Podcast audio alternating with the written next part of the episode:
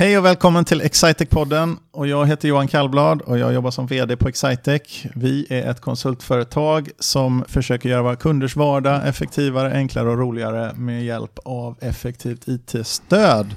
Och eh, den här podden då, den handlar om mina kollegor, eh, vår personal alltså, någon gång ibland en samarbetspartner eller en kund. Och idag har vi fått, eh, vad ska vi säga, illustert besök av en riskkapitalist eh, som heter Claes Hillström. Hej Johan, vad kul att vara här. Hej, vad vill du bli presenterad som förresten? Ja, riskkapitalist funkar, det funkar bättre idag än vad det gjorde för något år sedan, för då var det kändes som ett hatord på gatan. Usch det, jag vill inte att Nej men det går bra, riskkapitalist, jag står för det. Ja, ja okej, vi kan ju se, vi se om vi kan få ett mänskligt perspektiv på... Ja. Va, Klas, vad är du här?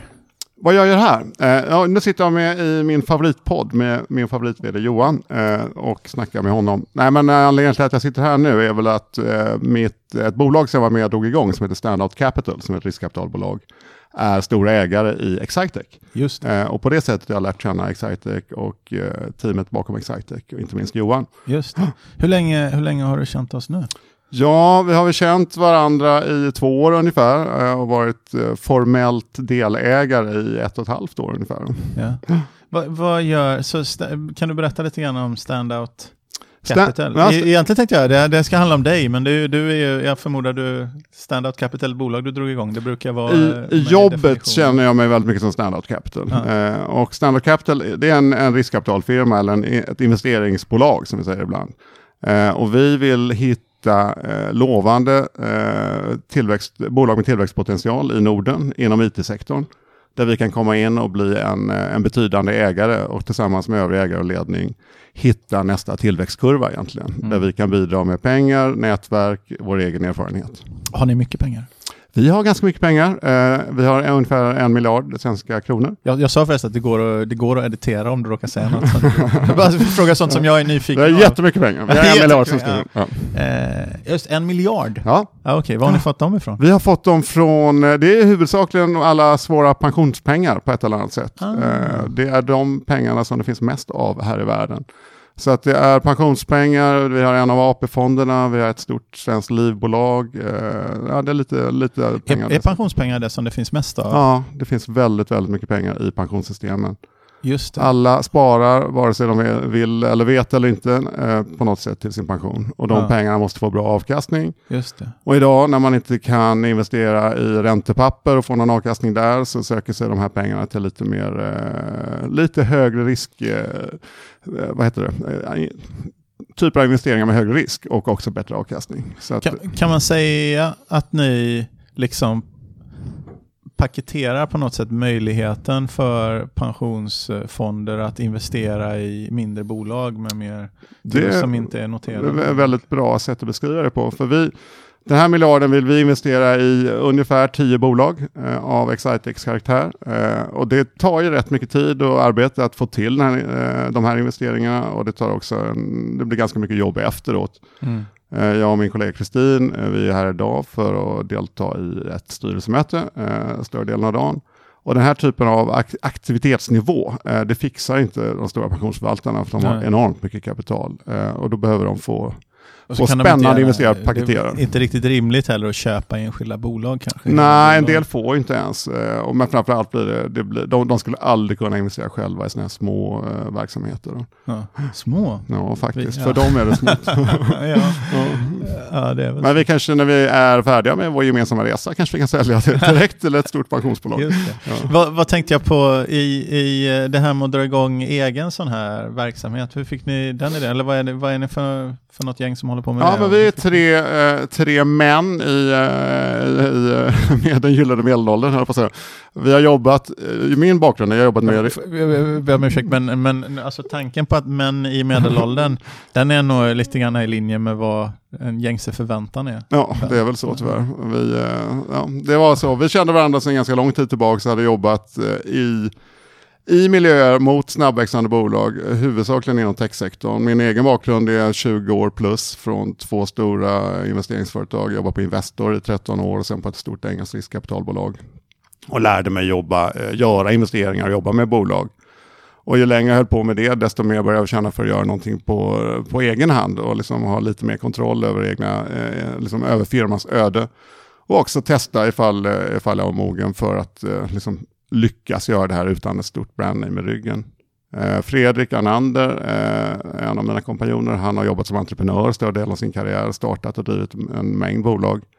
Framförallt inom eh, liksom internetvärlden. Och han hade sett riskkapitalet från en tagarsida. Jag hade ganska mycket synpunkter på vad som var bra och dåligt med det. Typ från, som från min position? Ja, lite från min Fast ja. lite också kanske lite tidigare, lite mindre utvecklade mm. bolag än, än, än Just det. Och för Erik eh, Westlund, eh, han, jobbat med, eh, han har jobbat på stor amerikansk investmentbank tio år i London och sen startade han ett eget mjukvarubolag för ja, 15 år sedan drygt som han drev och sålde en, en internationell verksamhet. Eh, fick smak för det och började intressera sig för investeringar därefter. Eh, och vi känner varandra sedan Handelshögskolan, eh, början på 90-talet. Och eh, satt ner och sa, kunde vi inte göra något kul tillsammans? Vi har jättemycket bra erfarenhet från företagande och investeringar. Eh, det känns som en, en gyllene kombination i ett tidevarv där eh, tillväxten inom it-området är ju naturligtvis väldigt mm. stor och vi tror väl liksom en långsiktig medvind för bolag som positionerar sig där. Ja. Va, va, hur, så hur går det till då om man ska starta, om man känner sig, ja men det här vill jag göra, jag vill starta riskkapital. För ja, du sa du först eh, gå på Handels och jobba 20 år. Vad är det en prerequisite? Ja, du börjar med det och sen sätter du ner och så har du en lysande idé som du tror att det här måste ju alla tycka om med en gång. Ja. Eh, och sen eh, tar det bara några år senare så kanske du känner att det här kommer faktiskt gå. några år? Ja, nej, det tog några, vi satte oss faktiskt ner 2014, eh, ganska precis för fem år sedan. Och sa, ska vi inte göra det här? Ja, eh, det, vi ska göra något sånt här. Eh, låt oss se om vi kan hitta en plan som vi verkligen tror på tillsammans. Och så gjorde vi det under våren. Och sen på hösten 2014 så började vi testa den här med investerare. Uh, och sen tog det då fram till våren 2016. Uh, då visste vi Oj, att, nästan då, två år. Då visste vi att det här skulle bli av. För då fick ja. vi in pengar som så att säga, var uh, ett hårda åtaganden som man inte kunde ta tillbaka. Vad, vad lärde du dig? Liksom, vad, vad, vad, vad, var annorlunda? vad var som du väntade dig och vad var annorlunda? Ja, vad jag lärde mig var att jättemånga tycker att, eh, uppskattar och tyckte att det var en bra idé och, på ett artigt sätt. Eh, och vi var väldigt entusiastiska i början när vi fick möten med alla möjliga typer av investerare och tyckte att jädrar, nu går det bra, det här får vi till. Men då inser man att det är tusentals eh, fonder eller eh, aspirerande fonder där ute hela tiden i världen som söker kapital. Mm. Och det, det, är så många människor som försöker få ihop kapital till sådana här grejer. Så, så, den där frågan du hade om, eh, om liksom, var det bra att ha ett brand name i ryggen? Det visade sig vara... Ja, det, var, det är skönare att ha pengarna hela tiden i ryggen. Men det är ja. väldigt tillfredsställande när man får det på plats själv. Ja. För vi kan ju sätta vår strategi utifrån vad vi verkligen tror på. Och när man får ihop pengar i en fond så här, då har man, eh, ja, man, man får, det är en, en, ganska fast struktur. Så att vi vet vad vi har att jobba med och nu är det upp till oss att visa att vi, eh, att vi har tänkt rätt och att vi kunde utföra det. Så när man har, när man har fått pengarna egentligen, då, då börjar en ny fas sen? Då ja, då börjar, då börjar det likna någonting på riktigt. Eh, ja. Så att du får ju inte pengar, men du får, eh, ja, men du får ja, löftet, löftet om att få pengar. Hårda löften om att få pengar när vi hittar investeringar. Och då börjar man, eh, det hade vi gjort innan i och för sig också, då gäller det för oss att, att marknadsföra oss mot, mot bolag. Eh, att söka eh, och övertyga bolagsägare och ledningar om att vi är en bra, bra ägarpartner framöver. Ja. Och det gäller naturligtvis att specificera vad vi är ute efter eh, på ett trovärdigt sätt. Att vi har en, liksom en tydlig, eh, kan kommunicera tydligt vad vi, vad vi vill göra för typ av investeringar. Och när vi hittar den typen av bolag så gäller det att eh, bygga ett förtroende. Det är väldigt mycket fråga om förtroende. Mm. Först och främst förtroende mot investerarna så att de ska våga ge, eh, ge oss chansen med sina pengar och sen eh, minst lika mycket mot, eh, mot bolagen som ska våga släppa in oss det här är ofta, vi söker bolag som inte hållit på att ta in en massa kapital historiskt. Så att det, är, det är livsverk som vi, som vi vill eh, mm. hjälpa till. Hur ska ett bolag se ut då, som kommer till dig? Jag fick nämligen två stycken affärsidéer idag på morgonen mm. när jag vaknade. Och jag vet inte, men de var mer på idéstadiet då? Ja. Eller enbart på idéstadiet. Och jag tänkte, är, det, är det för tidigt för mig att pitcha dem till dig? Idéstadiet är ju jättespännande. Ja. och det är det roligaste stadiet, men det är också det svåraste stadiet att investera i. Och vi har valt att inte investera på idéstadiet. Ja. Så att, eh, Bolagen som vi tittar eh, mest seriöst på det är företag som har någon sorts omsättning på, eh, kallar det, närmar sig 50 miljoner upp till ett par hundra miljoner kanske. Lite grann beroende på vad de håller på med. Eh, Excitec är ett tjänstebolag och då går det på ett sätt lättare att bygga omsättning och det är lite mindre marginal på den omsättningen på, på marginalen. Eh, om vi tittar på bolag, vi tittar väldigt mycket på mjukvarubolag med egna, egna produkter, eh, Ja. då kanske de är lite mindre än, än eh, vad tjänstebolagen är typiskt sett. Mm. Va, så, så, men ni tittar på både tjänsteföretag och produkt? Mest, produkt, mest mest, mest, produktbolag, ja. mjukvarubolag. Vi har gjort fyra investeringar än så länge i vår fond och då är det tre mjukvarubolag och ett eh, tjänstebolag. Ja. Men väldigt mjukvaruorienterat. Vi är ju ett ganska mjukvaruorienterat Mycket tjänstebolag. mjukvaruorienterat, det är det vi gillar mer, bland annat. På det. Vilket, ja, och jag med. Och det är ju ingen slump att vi är det heller, utan vi tror ju på vi tror ju bara att bra mjukvaror behöver en tjänstekomponent för att man ska kunna göra det som passar unikt. Mm. För att hjälpa en unik, en, för inte hjälpa det generiska företaget med generiska problem, utan hjälpa det specifika företaget med specifika problem. Så tror vi att man ofta sätter ihop generiska eh, komponenter för att skapa ett, ett eh, totalt värde och då behövs det någon som är helhetsleverantör och håller ihop åtagandet där. Så, och det är där vi passar in, tycker jag. Ja, och det, det gillar vi. Ja, men jag accepterar det. Okej. Hur, eh, du, Claes som person då? Förutom risk, för du sa att du professionellt identifierar du dig väldigt mycket med standout. Men Ja. vad, gör du, vad gör du eh, när du inte är professionell? Nej, inte professionell. Då, ja, jag har en, en familj som jag gillar skarpt. Eh, som består av min, min kära hustru och två barn. Eh, som nu börjar bli, eh, de börjar växa ifrån oss, höll jag på att säga. Eh, de är precis i brytpunkten. Och skaffa sladdis då? Det är lite sent tror jag. Jag är lite vovve också, så han fyller den rollen. Eh, så att det, är, det är en, en, en, den viktigaste delen av mitt liv. Men, men du, har- ni har bott utomlands ganska stor del av dina barns uppväxt? Eller? Nej, det har vi Hur? faktiskt inte. Vi Nej, bodde okej. utomlands när vårt första barn, eh, vår dotter föddes. Då bodde vi i New York. Eh, Ja. Då var jag inne, då hade jag haft en utlandsperiod på sex, lite sex, sju år. Eh, London och New York huvudsakligen. Eh, det var en jättespännande tid. Men vi flyttade hem när eh, hon var ett år Ah, eh, okej, till ja. Stockholm. Sen har vi bott där sedan dess. Och Ja. det, är ju, eh, det var 2001, så det var länge sedan vi var utomlands nu. Ja, så barnen är uppvuxna i... De är svenskar Sverige, och är ja. Stockholmsungar. Ja. Ja, de, så det, är liksom, det är lite coolt att vara född i New York i alla fall. Ja, Eller? det har Har varit det. Men nu börjar hon undra om hon verkligen ska behålla sin, eh, sitt pass nästan. För Ja, det, okej. det känns som en allt mer betungande, betungande administrativ börda. Jag har faktiskt en dotter som är född i USA också. Men, men eh, eh, hon eh, har... Ja, jag vet, förutom att hon alltid påstår att hon kan bli president i USA. Du säger det kan du inte för kvinnor kan inte bli Nej, det. det Eh, liksom, vi har datadriven, eh, och det där var inte, det där var, var ett sorgligt skämt egentligen. Mm. Men vi har datadrivna analysen säger att de faktiskt inte kan det. Nej, det har Eh, varit så, så eh, nästan vilken kar som helst kan slå Ja, en, en hur kvalificerad kvinna som helst, vad det verkar. Mm. Så, så, men eh, hon har i alla fall den förutsättningen. Så det är den. Eh, familjen eh, nummer ett. Sen så gillar jag att sporta, spelar, spelar mycket tennis. Eh, jaha. har du slagit Erik än? Ja, jag slog min eh, kollega Erik, eh, jag tyckte jag slog honom i början. Jag tror han spelar mer tennis än vad jag gör. Jag, jag jobbar mer. Nej, det gör jag inte. Men han, han är duktig. Han är duktigare. Tyvärr. Ja, okej. Sa han bittert. Sa han bittert. Ja. Ja. Men så tennis, Mm, tennis. Eh, ja, umgås med kompisar. Eh, gillar att åka skidor. Eh, både på, på platten och eh, utför. Eh, älskar att laga mat. Eh, det är väl mitt så här, största vardagshobby. Eh, tycker det är en otroligt schysst sätt att eh, koppla av, göra någonting med, med händerna, något praktiskt och eh, halvsocialt stå och gagga i köket med alla Mm. som vill komma förbi. Vi, vi, har Dricka glas vin. ja, vi har ju, när vi pratar om det, vi har ett segment på denna podden som heter Någon berättar om något. Mm. Eh, och då får du, nu har jag liksom valt äm, äh, ämnen här Ja. hittills, men om du får berätta om något eh, helt självvalt, vad skulle du vilja berätta om då? Ja, jag skulle gärna, eh, vad ska jag berätta prata om? Ja, jag pratar, ja, matlagning. Jag tycker att det, Ja. det är kul. Det är någonting jag skulle utveckla mer faktiskt och liksom snäppa upp ett par steg. Det är lätt att man fastnar i sin, eh, sin comfort zone. Vad, vad har du maten. någon paradrätt som är... Nej, det har jag inte. Jag tycker om långkok, eh, det väl, men det är ingen paradrätt, inte på något sätt. Så min vardagsparadrätt är väl världens bästa carbonara till barnen. Oh. Ja. Ja, men eh, inget sånt där som står ut. Och senast du bjöd på middag hemma, vad lagade du då? Senast jag bjöd, det var faktiskt i helgen, eh, då bjöd vi på en eh, smaskig eh, pilgrimsmussleförrätt med en, någon sorts Sichuan-pepparsky eh, och blomkålspuré. Det var gott. Ja. Och så åt vi jättegoda lammkotletter eh, med någon sorts eh, parmesan panko crust och en spenatgrejs till. Vad sa pankokrast på lammkotletten? Ja, lite grann. Ja.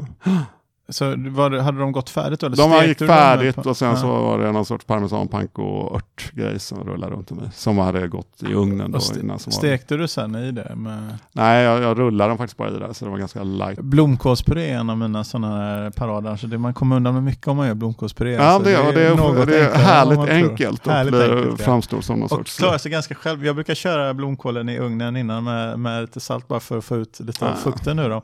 Eh, och det spelar ingen roll om jag glömmer dem i ugnen och de råkar stå i, i, i 40. Ibland har det blivit så att äh, det blir nog ingen blomkålspuré, det blir nog bara rostad blomkål. men liksom. också- man, kan, man har mycket flexibilitet. Och så är det ju väldigt länge. bra rätt också i eh, ja, tjejer som inte gillar, alltså det, det Ja. är liksom en, en mer vegansk rätt på det sättet och eh, den är, man gör någonting med grönsakerna istället för att bara servera dem rakt upp och ner. Ja, just det. Ja, det är bra. Så det är lite tips egentligen, blomkålspuré. Blomkålspuré är jättebra. Och det är alla de här jordärtskockpuréer och Fast soppor och såna jordgubbskocka är så jobbiga att skala. Ja, de är jättemäckiga. Så. Ja. Blomkål är, Blomkål mycket enklare. Den är rejäl direkt.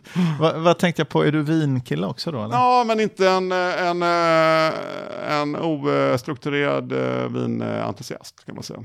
Absolut ingen vinsnobb. Jag har, ingen, jag har inte kompetensen att ens, jag har inte intre, varken intresse eller, eller, eller kunskap att eh, liksom briljera med vin. Men jag tycker det är jättekul att dricka vin. Mm. Mycket. Ja, ja, men gärna, gärna lite bättre viner och mindre, mindre volym. Nu, Ja. Går, eh, går, går ni ut och käkar mycket? Ja, det börjar bli lite mer- mer nu. Vi har, I och med att barnen eh, Ja. börjar vara mindre intresserade av att vara med oss och eh, i höstas var vi faktiskt, eh, hade vi inga hemmavarande barn eh, och då blir det liksom ny, nytt läge. Då blir, det, då blir det mer eh, ut och käka lite spontant och göra eh, lite bio och såna grejer också som vi inte har gjort alls mycket senaste åren. Har du några Oscar, det är ju Oscars, eh, eh, Oscarsdags, jag vet inte Mm. om detta avsnitt kommer före eller efter Oscarsgalan, men det är precis i den häraden. Har du några filmtips?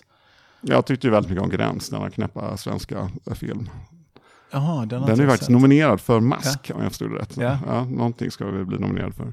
Ja, den har inte jag sett. Eh, annars har jag sett ganska dåligt med filmen då. Eh, lite mer, eh, ja, som alla andra känns som lite, har blivit en seriekille på tv. Ja. Ja. Ja, det är otroligt den förändringen som har varit i var liksom pengarna flödar och hur de Sanslöst gör. vilka och produktioner som görs. vilka produktioner som görs. Som ser, ja. som, eh, ser. Har du sett säsong tre på True Detective? Ja, såg Jag se, det. senaste Ja, jag avsnittet gjort- Jag igår. vill se den. Jag Den är bra men den är ju det väldigt långsam så att den, eh, Ja. det blir en del eh, mikronap när jag ser på den. jag. Ja, okej.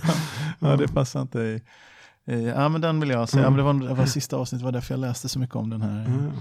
Ja, ja.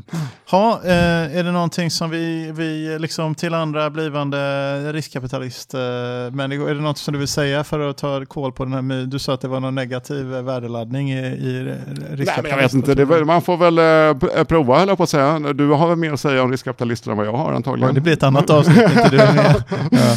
Då får man kanske inte vara med, då får man bara lyssna. Ja.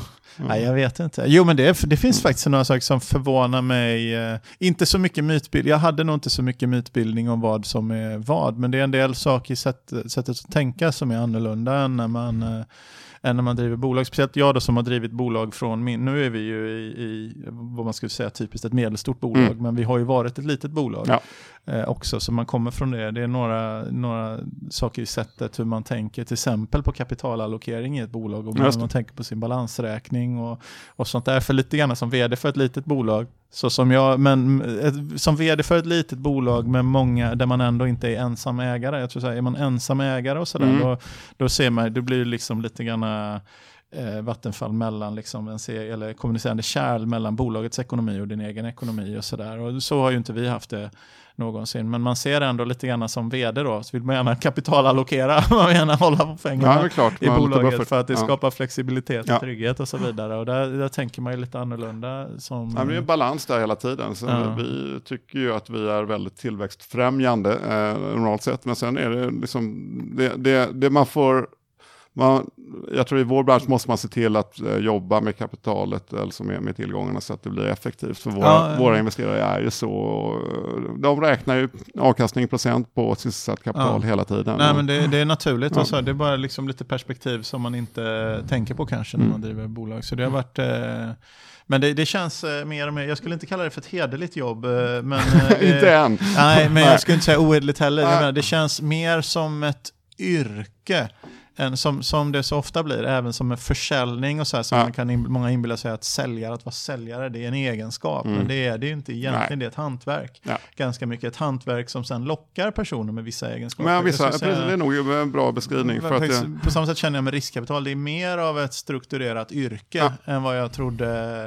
Eh, Mindre liksom wham bam dealmaking, eh, Gordon Gecko typ av Mm. grej. Och mycket mer ett strukturerat yrke och ett hantverk som faktiskt tar tid att lära sig och som måste göras konsekvent och uthålligt. Precis som de flesta andra grejerna exakt. man ska bli bra på. Så det, det, det finns få genvägar ens för talangfulla människor i Nej, dagens men värld. det, det är svårt. Så det, det är intressant. Men det ska jag köra någon gång eh, om, om ett tag. Så Ja, kör vi en podd om det. Då kan jag bjuda in The inside story. Right, men då tackar jag så länge för, är det något vi, vi, specifikt som du, vi har glömt? Jag, jag, jag, vill också, jag vill också säga så här till alla, inte till potentiella investerare, men eh, rekryteringen till vårt trainee-program, om man vill vara en del av, av den här Excitec-familjen, rekryteringen av, till vårt trainee-program eh, pågår i väldigt högt eh, tempo just nu och du har ju varit en av förespråkarna för att vi ska öka den relativa omfattningen, också lite datadrivet för vi har ett väldigt bra resultat. jag från- tycker det är fantastiskt ert program. Och den datadrivna biten är en sak, men inte minst den här kulturbyggarbiten. Ja. Och när man är med på era, era företagsträffar och eh, känner en entusiasm från alla unga, relativt nya medarbetare, det är enastående. Ja. Vi har också, det har jag inte berättat för dig än, men eh, vi har blivit eh, i vår, de som jobbar medarbetar eh, enkäter, Briljant som de heter, de har en utmärkelse som heter Powered by People, bland Mm. de som har bäst eh, resultat i det. Förra året var vi på topp 10-listan och nu har vi fått reda på att vi eh, är en av topp tre resultaten, så vi är finalister. Så jag har blivit Snyggt. ombedda att komma till Berns på någon gala Okej. och jag ska upp Ja. på scenen. Och, Vet du vilka som är de andra? Nej, jag vet Nej. inte det, de har inte, de har inte sagt det. Men, eh, men i alla fall, om man vill är intresserad av en karriär och en framtid hos Excitex så är ett bra insteg i vårt traineeprogram. Vi rekryterar även naturligtvis erfaren personal också, så man hittar det på excitec.se karriär. Eh, Och eh, eh, det är full fart på rekrytering till vårt traineeprogram som börjar i augusti, så jag vill eh, verkligen, om ni är intresserade av det, gå in och kika på den och tveka inte med att skicka in era papper och tveka inte, det var inte bara som manande avslutning utan det är faktiskt så att vi, eh, det finns, det är inte en oändlig gräns på hur många vi kan ta in och vill man vara in consideration så är nu en hög tid att eh, skicka in sin, eh, man behöver inte ha, vara klar ens med sin examen Mm. för det börjar inte förrän i augusti men nu är en hög tid att skicka in sitt, eh, sitt intresse på det där. Så det vill jag rekommendera. Kul, jag med. Tack! Stort tack, hej.